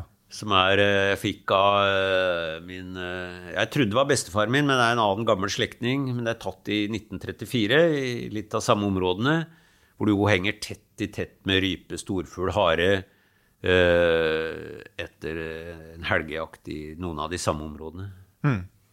Ja, og sånn, ikke sant, med rypa, så Det er jo lett å tenke på den amerikanske vandredua. Ja. Altså at Det at det finnes mye av en art, det betyr ikke at det er umulig å få den til å forsvinne? Nei da, det er ikke det. Så, spesielt vandredua var et eksempel på det også, at man behøvde ikke å skyte den ut til siste due. Den kollapsa når bestanden var blitt liten nok fordi det var et, en flokkfugl. Rypa er det jo heldigvis sånn med at den vil ta seg opp igjen, altså hvis den får øh, sjansen. Øh, og det ser man jo nå i år, var jo rypa verna i, i Sør-Norge. Det var et elendig rypeår, ikke tror jeg bare pga. Uh, jakt. Nå var det nok først og fremst klima. Det er klart dette er bestander som svinger naturlig også, for all del. Mm. Uh, men i hvert fall veit vi at uh, får den pusterom, så henter den seg inn igjen. Mm. Men jeg tenker jo sånn med endringsblindhet og kort hukommelse altså vi, vi snakker jo i dag om gjengroing ja. i fjellet. Ja. Men på et vis så er jo det egentlig en slags retur til en normalt tilstand i mange områder som har vært prega av seterdrift med stort behov for ved og høyt beitetrykk? Ja, klart det. Ja da, Vi ville nok, hvis vi hadde hatt den naturlige skogen og sett hvordan den ble hogd ut mm. eh, til, ja, og Rørosområdet, ikke sant, hvor all skogen gikk med til gruvedrift, så ville vi tenkt at uh, dette er jo et overgrep. Og det var det jo òg. Mm. Så det er mye med norsk naturforvaltning som uh, er litt sånn paradoksal, og vi skal ikke vi må innrømme at det er en del subjektive elementer her. Det er jo det samme som hva er en fremmed art, og hva er en eh, ekte norsk art. Det har jo med når de er kommet til Norge. Alt liv er jo kommet hit etter siste istid, inkludert oss sjøl. Eh, mens, eh, og de gamle ballastplantene f.eks., som kommer med seilskuter, er jo mange steder rødlista, for de er sjeldne. Mens ballast, eh, det som kommer med ballastvann nå, er vi jo veldig obs på at det ikke skal få spre seg. Ja. Eh, Med god grunn, da. Det viser bare at det er noen sånne uh, paradokser her. Og, og ja, jeg er helt klar på det paradokset at, uh, at uh, selvfølgelig når det nå gjengros nå, så er det fordi at vi, vi, referanserammen vår er det åpne fjellandskap og setergrendene som vi setter pris på. Så det må vi bare være ærlige på. Når vi snakker om naturtilstanden eller urtilstanden i norsk natur, så er det en abstraksjon, altså. For det er klart, naturen har jo endra seg, også i takt med klimaendringer. Ja, ja og fra å være isskuere for 10 000 år siden. så- Det også, ja. Og når vi nå er bekymra, og igjen mener jeg med god grunn, for at breene er i ferd med å forsvinne, vel, så var det kanskje større grunn til å være bekymra når breene vokste fram og ødela gård og grunn, som de også har gjort. Ja, og såpass nylig som på 1700-tallet. Ja at, at eh, de kom fra Jostedalen til Oslo for å klage sin nød til kongen og be Ja. om hjelp. Nettopp. Ja da, nei, så vi må være så ærlige og si at det er subjektivt. Men det er jo det med at breene forsvinner i dag, er jo fordi det er kobla til eh, storskala klimaendringer som vi har god grunn til å frykte. Så det er jo et symbol på eh, noe større og farligere. Ja. Men så er det også ikke sant, litt tilbake til når det gjelder forvaltning. Da. Altså, vi uh, snakka om på en måte motsatsen mellom et evolusjonært syn på naturen, hvor alle arter på en måte kommer fra det samme, og det ikke er noen prinsipielle forskjeller, og et mer sånn der, eh, altså et menneskesynspunkt hvor naturen skal være til for deg. Og jeg tenker jo i forvaltninga, altså i mars, så ble jo forvaltninga av det matnyttige viltet flytta fra Miljødirektoratet til Landbruksdirektoratet. Ja. Så, så det, det er jo på en måte ikke Det er jo ikke noe vi er ferdig med. Nei, nei, på ingen måte. Nei, det var jo etter mitt skjønn et skritt tilbake, altså til den gamle måten å se naturen på. At naturen er først og fremst til for oss. Mye av dette har jo liksom en, en bakgrunn i en slags religiøs doktrine, at det er skapt for oss. Eh, men også en mer sånn moderne forvalterdoktrine, at vi kunne skyte ut alt det som konkurrerte med oss av rovvilt. Det ikke, skal ikke langt tilbake før det var skuddpremie på rovvilt. Eh, og litt der er vi fortsatt at eh, vel, en skog som ikke hogges, den ligger jo der til ingen nytte. Litt som han for noen år siden sa at en, rød, en, en foss som ikke rant i rør, var jo bare bortkasta. Eh, eller utmark som ligger der og ikke brukes til beite, er jo liksom bortkasta. Det er jo eh, prinsipp, eller premisset der er jo at vel, alt dette er til for oss. Det skriver du jo litt om eh, Når det gjelder jerven, så er jo det en art som forvaltes veldig aktivt. altså Egentlig i form av at man søker å holde bestanden nede. Og eh, det kalles jo bestandsregulerende tiltak. Og, og gjøres gjerne i form av hiuttak. Ja. Du er glad det ikke er du som skal gjøre det, forstår jeg? Ja, jeg er det, og jeg misunner ikke de som har den jobben, for jeg tror ingen liker å gjøre det. Særlig hiuttak er jo uh, ubehagelig. Så nei, igjen er det dette at vi eh, eh, vi forvalter naturen så vi har full kontroll over den. Og de få rovdyra som er igjen, lever jo på vår nåde. Så tror jeg alle skjønner at eh, vel, i noen grad må det nok være sånn. Vi er blitt så mange mennesker, og vi har eh, endra så mye på naturen. På samme måte at eh, fordi vi ikke har rovdyr mange steder, så må vi jo drive en aktiv bestand på hjortevilt. Ellers så beiter de ut eh, grunnen. Før eller siden hadde jo blitt en ny balanse i systemet, da, men eh, Ja, men når du har sånn som med villreinen, når du har såpass små naturområder, så vil jo nedbeitinga bli ganske brutal Ja, før gjør det. kollapsen kommer. Og Ja. det kan ta veldig lang tid før det er tilbake igjen. Ja, det gjør det, og det blir jo dyretragedier med småvokste dyr og sult. Og så vi har stilt oss i en situasjon hvor eh, forvaltning er blitt uh, umulig. Men man må jo stille seg spørsmålet om uh, forvaltninga ikke går altfor langt når vi også tillater jakt i nasjonalparker, beiting i nasjonalparker, altså områder liksom, vi liksom skal verne for naturen. At de også er i stor grad bruksområder for oss. Mm. Nei, og det er klart at eh, Når vi forvalter gjennom jakt, så er det jo en tendens og så er det klart Man jo, får jo tildelt hvilken kategori dyr man skal ta, men i hvert fall historisk så har jo jegere uh, blitt dratt mot de største og flotteste dyra. Ja, ja. ja og, eh, og hvis det er rovdyrene som forvalter, så er det jo stikk motsatt. Det er to forskjellige seleksjonspress. ja, Å ta ut de store med størst gevir, storbukkene eller å ta de små, svake og sjuke dyra. Det er, og det er jo et uh, viktig poeng i seg sjøl. Altså. Nå er ikke jeg noen motstander av jakt. Uh, og, jakter man på et overskudd, så uh, Det hender jeg går på rypejakt fortsatt, men da i områder hvor jeg veit det er et. Et, overskudd. Så jeg er ikke noen prinsipiell motstander av jakt. Men igjen er det denne ideen om at all natur skal forvaltes til beste for menneskelig produksjon. Altså det, jeg syns det er i hvert fall verdt å stille spørsmål ved den, og at det skal leve noen få rovdyr igjen på vår nåde, vel, det fjerner i hvert fall litt av mystikken eh, og det storslåtte ved naturen. Men, men samtidig, altså no, no, Fra folk som driver med har den oppgaven, så sier vi at hiuttak er ganske presist. Ja. Eh, altså, du vet på en måte hvilket område du da i hermetegn kanskje skåner for beiteskader. Mm. Og så en annen ting, altså Er det ikke litt sånn et demokrati fungerer? At eh, du har deg på den ene sida, og så har du sauebonden fra Lesja på den andre sida. Uh, og begge har sine tanker om hvordan det her burde vært. Ingen får det som de vil, men man kan på et vis leve med resultatet, begge to? Jo, absolutt. Så jeg mener det er jo den pragmatiske måten, og det er mer av uh både og en enten-eller her i verden. Altså, det, er, det, er, jo fullt av ekte dilemmaer her. Det blir jo litt det samme som vindmølledebatten. ikke sant? Vindkraft på land er jo en fabelaktig energiform som kan erstatte fossil, men det går utover natur og mm. nærnatur og opplevelsesverdi og ja, reinbeite for den del. Så eh, ja, jeg er enig i det. Det er en eh, Og jeg, eh, jeg mener ikke at det skal være fritt fram for rovdyr, for da ville vi jo ikke kunne opprettholde den spredte bosettingen vi ser her i landet heller, som vi også setter pris på. Så det er, det, jeg, jeg, jeg, tror den virkelighetsbeskrivelsen er riktig, at det må være en slags balanse her. Men den kunne kanskje vært bikka litt mer i naturens favør. Det mener jeg vi kunne tålt. Ja, og så tenker jeg kanskje på de store spørsmåla.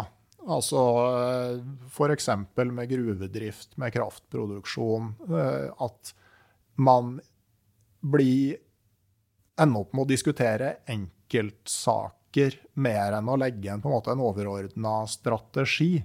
Altså, sånn som på mineraler. altså Hva er det vi trenger? Hva er det vi trenger mest, og hvor finner vi det? I stedet for at noen leter og finner at her har vi et metall vi kan tjene penger på.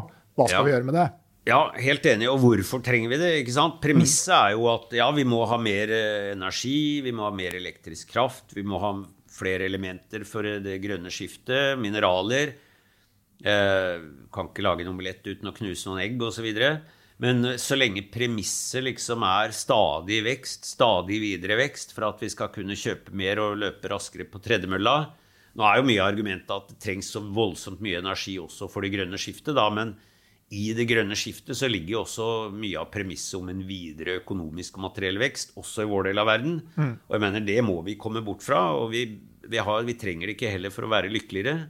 Det er vel litt det som er dypøkologien, at i stedet for å eh, kurere symptomene, så må du gjøre noe med de bakenforliggende årsakene. Ja, og så lenge vi har dette premisset, så vil vi fortsette å forbruke av natur. En natur som allerede er overforbrukt og på vikende front, og som vi jo faktisk trenger for å overleve, og som vi også trenger for å bekjempe klimaendringene. Så det er å skyte seg i foten. Og igjen, altså, dette er ikke noe argument mot eh, en utvikling mot et nytt framskritt. Jeg er ikke noen teknologimotstander eh, i det hele tatt, men eh, jeg tror altså vi må tenke mer kvalitet og mindre kvantitet på alle vis, også i livet. Og det er derfor jeg mener at det gamle finnordet til Arne Næss om det rike liv med enkle midler er veldig smart, altså, for det, innebærer også livskvalitet som et viktig premiss her, at vi ikke stadig skal jage videre. Og mange oppfatter dette som ja, tilbakeskuende og nostalgisk og rett fram naivt, fordi verden må jo videre, ikke sant? Men, og, og, greit nok, den må videre, men på eh, langs et annet spor enn det vi følger nå. Mm. Et annet tema som eh, kommer tilbake en del ganger i boka di, det er døden. Ja. Uh, og ganske gripende å lese om hvordan du mista søstera di helt plutselig i veldig ung alder. Og hvordan du beskriver at det påvirker foreldrene dine. Ja, altså skriver man om livet, som jeg stort sett gjør, så er det klart at uh, døden er jo en slags uh, Jeg skal ikke si følgesvenn, da, men det er i hvert fall en, en uh, uløselig del av livet. Det skriver jeg også om i den, den boka Liv. Men jeg var veldig i tvil om her om jeg skulle liksom Jeg liker jo ikke å utlevere meg sjøl, det gjør jo på ingen måte denne boka heller, men samtidig så tenker jeg at det er verdt å kunne Hvis man skal kunne reflektere åpent rundt uh, liv, død, mening osv., så, videre, så er det verdt å, å trekke fram sånne historier også, som har betydd mye for meg. Så søstera mi døde plutselig ung, 21 år. øh, og lå bare død i senga si en morgen. Og det var jo en ja, Det kan nesten ikke beskrives uh, hvor uventa og forferdelig det var, selvfølgelig. og Foreldrene mine holdt på å tørne, men så finner de, og jeg også, en, en slags trøst i å være i natur og beskrive hvordan vi går rundt på Ringbufjellet i Jervens områder der og leiter etter en fin gravstein med kartlav på som vi finner, og finner en slags trøst i det. Eh, jeg beskriver også hvordan vi, eh, jeg og samboeren min eh, også nesten møtte døden i fjellet. Ikke der, men i en snøstorm noen år seinere.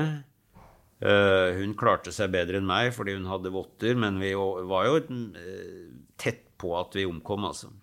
Så, uh, og for meg er det ok å akseptere at døden er en del av det. Det er ikke sånn at jeg går og tenker på den, men jeg har slutta å grue meg for det og slutta å tenke så mye på det. Jeg tror det er kanskje en, en slags forsoning ved det å bli eldre også, at ok, jeg er i hvert fall glad jeg har hatt et langt og friskt liv fram til nå. Jeg har ikke tenkt å legge inn årene ennå, men, men uh, selvfølgelig, det har en varighet ja. til livet. Og det gjør også at naturopplevelsene her og nå blir rikere. For jeg veit at uh, jeg har ikke 50 år igjen med storslåtte turer i fjellet. Jeg har ikke det. Nei.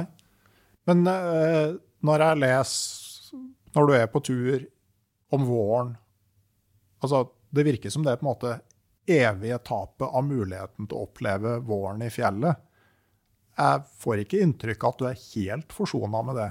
Nei, det er jo ikke Det er klart, og det er nesten noe av det verste. At eh, ja, en dag skal alt dette vakre fjellet ligge der, og jeg kan ikke ta det inn uh, med mine sanser. Men sånn er det, ikke sant? Det aksepterer jeg på et vis.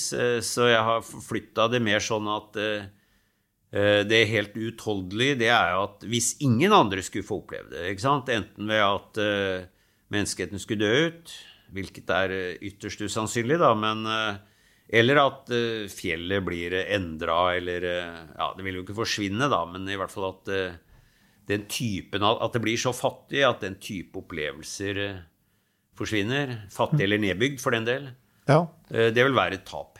Mm. Men, men, men samtidig så er det jo Altså, ja, ja, det er ikke noe som du sier, kanskje ikke sannsynlig at menneskeheten skal dø ut på kort sikt, men på lang sikt så er jo det mest sannsynlig. Jo, en eller annen gang dør vi ut. Så det, mm. da blir det jo det at uh, det blir liksom en tidshorisont som er uh, så lang at det er vanskelig å forholde seg til den. Og alt vil jo dø ut når vårt solsystem opphører, selvfølgelig. Mm. Og det er jo perioder syns jeg det var en tung erkjennelse òg, men da må man liksom trøste seg med at dette er et tidsrom som er så stort at det er helt ubegripelig, og likevel tenke at det skygger ikke for mening i livet her og nå. Nei, og, og så er du jo inne på òg, ikke sant, det er at de store masseutryddelsene har jo, for å være brutal, rydda bordet for noe helt nytt. Altså, vi som pattedyr hadde vel kanskje ikke uh, fått til det vi har gjort uten at dinosaurene forsvant først. Nei da, som etter den enes død, den andres brød osv. Så, videre, så. Så det er klart, hvis, eh, hvis menneskeheten skulle forsvinne, hvilket jeg verken tror eller håper Jeg syns jo det ville vært et stort tap. ja, nesten utholdelig tap. Men det ville jo innebære at resten av biosfæren så å si trakk et lettelsens sukk, da. For det er klart, vi er jo en ikke av vond vilje, men i kraft av at vi er så mange og gjør så mye av oss, en byrde for resten av, av de biologiske organismene her. Mm. Men øh, samtidig sånn, jeg tenkte på det her med, med evolusjonen. Altså, um, du som fagperson, altså vi har jo nå deler av verdenshavene som er stappfulle av plast. Det er jo en ganske stor energikilde. Hvor, altså, noe, hvor, lang tid ser man for seg at det vil gå før faktisk, for en bakterie klarer å finne ut at det her, her er det jo masse mat som ingen andre vil ha? Det her går vi på. Ja, jeg tror altså, det er nok allerede på gang. det er bakterier, altså Vi har jo oljenedbrytende bakterier. Mm. I områder hvor du har naturlige oljelekkasjer, så har du bakteriestammer som er naturlig tilpassa til å bryte ned olje og tåler hydrokarboner godt. Eh, ikke bare tåler det, men utnytter det som energikilde. Så eh, jeg tror nok at eh, plast, eh, i hvert fall visse typer plast, eh, vil vi se bakterietyper som eh, etter hvert kaster seg over. Men dette går langsomt, mm. så i et naturlig system så er nok plasten der noen tusener år til altså før, før mikrobene tar hånd om det. Men, men at det gradvis vil skje en økt bruk av den ressursen, for det er jo en ressurs, det òg. Mm. Ja, det er, altså, man vet jo man kan jo brenne det ja, ja, ja. og koke kaffe på det. Man bør kanskje ikke gjøre det, men det, det, Nei, er, mulig, det, er, det er, mulig, gjennom forbrenning å frigjøre energi. Det er, nettopp. Det er jo en energiholdig komponent, så for all del. Og det er nesten ikke den komponent uh, som ikke en eller annen bakterieform har lært seg å utnytte opp gjennom historien. Nei. Men sånn, eh, sånn mot slutten nå med døden, altså, tror du det hadde vært enklere å akseptere den hvis du var religiøs? Ja, på mange måter tror jeg det, men uh, Ja, jeg fikk noe, gjorde noe tidlig et oppgjør med min uh, moderate barnetro som jeg hadde, som de fleste andre. Men uh, fordi det, jeg tenker det går bare ikke i hop. Så det var ikke evolusjonsteorien som var, ga oppgjør med min gudstro. Men jeg ser jo at de som er religiøse, de kan selvfølgelig for det første tenke at vel, det er en mening bak det hele. Men det er jo der problemet ligger også, for da må man jo akseptere at det er en mening bak. Det er det ondes problem, ikke sant? Og tilfeldighetens problem. og uh, Jeg husker ene dattera mi sa en gang det var reportasje fra et sånt forferdelig jordskjelvområde i jeg tror det var uh, Iran for mange år siden. Da var hun en liten jente, da. Og så etter flere dager så fant de en gammel eh, dame som de grov fram fra ruinene og i live, og det ble framholdt som et Guds under. Men eh, så hadde jo like før fortalt om alle barna som hadde omkommet. ikke sant? Så sa hun det helt åpenbare, stilte det åpenbare spørsmålet. Jo, men eh, hvorfor holdt han ikke heller sin hånd over alle de små barna, da? Hvorfor skulle de dø? Og... Så jeg tror hvis, hvis, man liksom tenker at det er en mening med det hele, og en slags frelse i det blå, så må man også akseptere dette. Og det er eh, ja, for meg vanskelig. Men det er klart det, hvis du, hvis du virkelig tror at uh, du kommer et eller annet uh, sted og har en form for hinsidig liv, så kan det være en trøst. Helt åpenbart.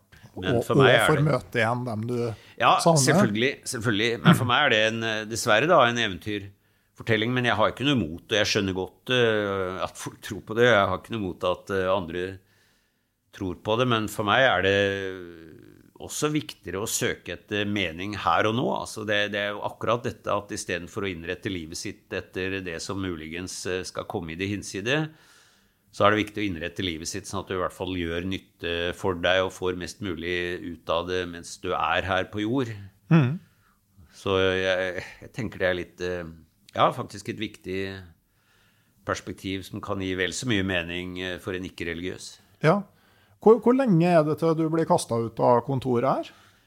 Ja, jeg blir, blir, sittende her i full jobb, i hvert fall i tre år til, tenker jeg. Og så blir jeg jo ikke kasta ut etter det, men da må jeg kanskje dele kontor med noen andre. Men jeg, jeg har ikke tenkt å klore meg fast her. Jeg er så faglig interessert, så jeg kommer til å ha en finger med i spillet i lang tid framover. Men eh, da skal jeg jo virkelig banke i bordet, da, hvis helsa holder. Og jeg er sprek som jeg er nå, så skal jeg jo virkelig ta den tida til ikke bare de ukene og månedene ute, men eh, kanskje til og med år ute.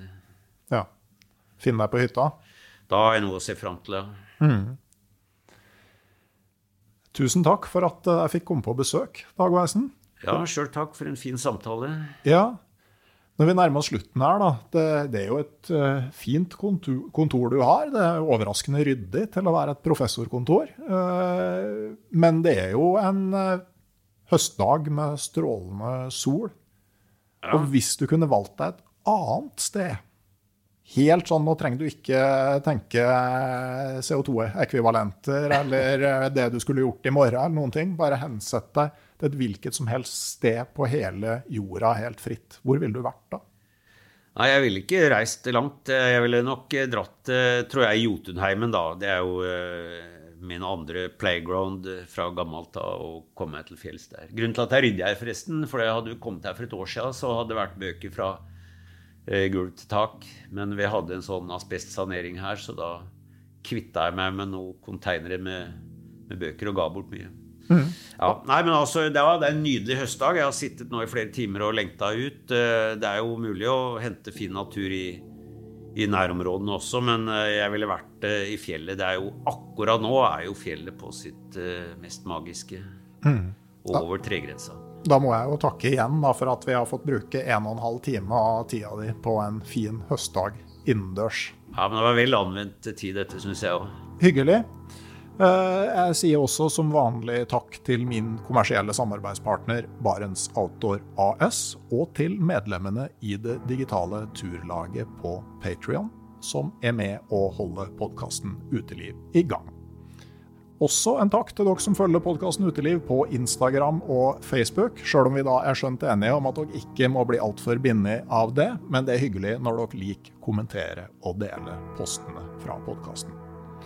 Om ei uke så er det tid for en ny episode, og inntil da så sier jeg rett og slett ha det bra.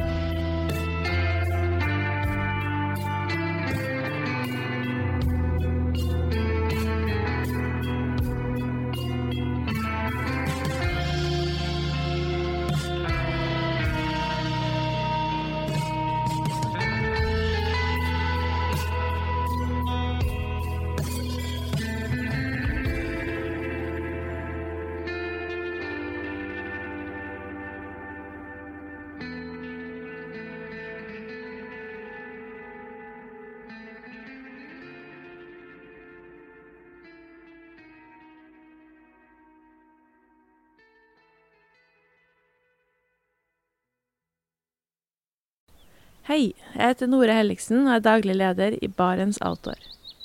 Det beste vi kan gjøre for planeten, er å redusere forbruket vårt og få mer ut av det utstyret vi allerede har. Men vi vet av erfaring at bruken av telt kan endre seg over tid.